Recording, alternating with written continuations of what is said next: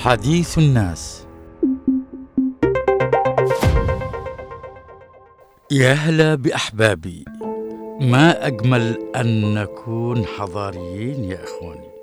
نحن فعلا أبناء حضارة في الجنوب وتكون طبعا مدينتنا عدن بل كل مدن ومناطق الجنوب جميلة.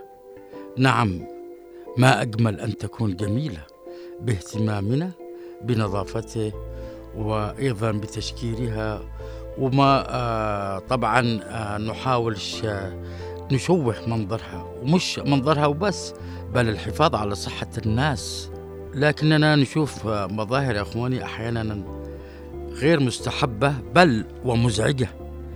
رمي المخلفات في الشوارع وفي الحارات وعلى جانبي منازل الناس. المخلفات ايا كان نوعها.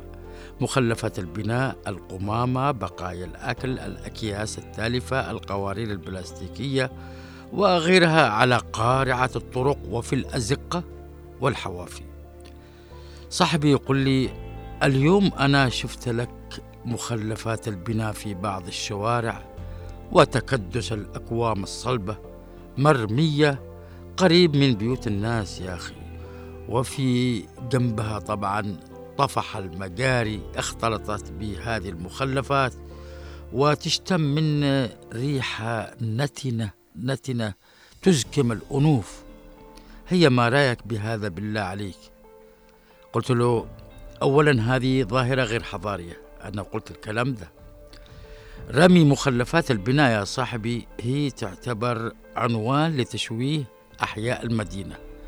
والشيء المزعج لما تجي تشوف البعض عندما يقوم بترميم منزله مثلا من الداخل مثلا يعيد بناء مطبخه أو عزكم الله حمام البيت ويخرج أكوام من الحجارة إلى خارج البيت ويرميها على قارعة الطريق أو حتى بجانب قارعة الطريق تحتل هذه الأكوام مساحة معينة من الشارع والطريق وتعيق حركة السيارات وتشوه منظر الحي السكني أو الشارع اللي يسكن فيه. هذه مسألة مش كويسة. وتجي تشوف آخرين يجوا يرموا بقمامات منازلهم فوق الحجارة المتكدسة. والله يا أخواني هذه طبعا تسبب أضرار صحية للسكان دون الاكتراث لأضرار مخلفات البناء والقمامة المتكدسة عليها يعني تشويه للمنظر الجمالي وضرر للصحة العامة. بالنسبة للقمامة نحن نعرف أن الإخوة في صندوق النظافة وتحسين المدينة قد آه طبعا وفروا مشكورين في الكثير من الأحياء السكنية مقالب للقمامة ولكن البعض لا يهتم بصراحة برمي القمامة فيها. وأما المخلفات مخلفات البناء إيش اللي بيضر المواطن أو المقاول اللي يشرف على أعمال البناء باستحضار سيارة دينا؟ ويقوم بنقله إلى أماكن بعيدة ويمكن الاستفادة منها. يعني بتعبير آخر مخلفات البناء هذه يمكن نقلها إلى مكب للنفايات لأن الإبقاء عليها وعلى القاذورات التي تحويها القمامة تسبب تلوث بيئي. وتنتشر الروائح الكريهة التي تؤثر على الناس وعلى فكرة هذه المخلفات بما فيها القمامة يمكن إعادة تدويره وبيعه في السوق السوداء كالخشب والحديد وما شابه ذلك عندما يتم التخلص منها في أماكنها المحددة.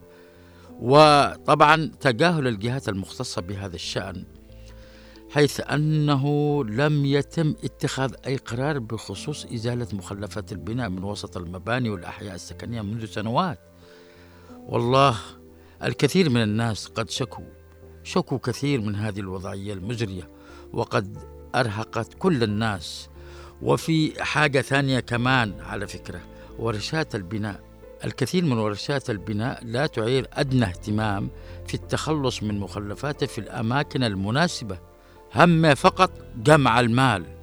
وذي نفسه أي مخلفات الورش تسبب خطر خاصة على الأطفال. هذه النفايات والحجارة المتكدسة تسببت في العديد من المشاكل اليومية خاصة أن باتت مخابئ للزواحف والجرذان والثعابين. الأمر الذي أثار مخاوف الكثير من المواطنين في عدن. كونها مدينة نادرا ما يرى سكان الحيوانات الزاحفة. طبعا الناس يخافوا على أطفالهم بوجود ثعابين على مستوى العديد من الوحدات السكنية. وعلى فكرة قد حصل مرات عديدة أن الناس لاقوا زواحف متنوعة مثل الحنشان الثعابين يعني والعقارب وغيرها من الزواحف. هي طيب لو أجت على طفل مش ممكن تلدغه وتنهي حياته ومش طفل حتى الكبير ممكن يتأذى منها ويروح فيها. رسالة نوجهها نحن اليوم إلى الإخوة المقاولين ونقول لهم شوفوا يا أخواني عملية التخلص من مخلفات البناء لازم تتم بطريقة تتفق مع التشريعات البيئية المعتمدة. ونصيحة مننا لا ترموا هذه المخلفات بالأماكن المفتوحة على الطرقات العامة وفي محاذاة الأحياء السكنية لأننا بصراحة لاحظنا أن النفايات أصبحت تنتشر في بعض الأماكن الآهلة بالسكان دون العمل على نقل مخلفات البناء هذه إلى مكان الصحيح. يا إخواني بمجرد أن يمر الإنسان بجانب مخطط جديد أو بناية تحت التشييد يلاحظ مخلفات البناء وكتل الأسمنت في الهواء الطلق الأمر الذي يشوه المنظر ويتسبب في انتشار القطط والفيران ناهيك عن النفايات الطائرة طبعا التي تكتم الأنفاس. لكن نقولها وللإنصاف ما ننسى أن هناك جهود بصراحة بذلت من قبل صندوق النظافة وتحسين المدينة وبتوجيهات صريحة من قبل الأخ المحافظ الشاب الأستاذ أحمد حامد لملس محافظ العاصمة عدن والسلطات المحلية التي نفذت بإشراف صندوق النظافة حملات التنظيف وإزالة المخلفات. إلا أن المشكلة وإن خفت فهي تظل قائمة ما دام أن هناك من المواطنين والمقاولين لا يهتمون ولا يقيمون وزنا لأهمية النظافة والحفاظ على المنظر الجمالي للمدينة. فالمواطن لابد أن يتحمل المسؤولية في ذلك. أما الجهات المعنية فهي مكملة لعمل واهتمام وحرص المواطن.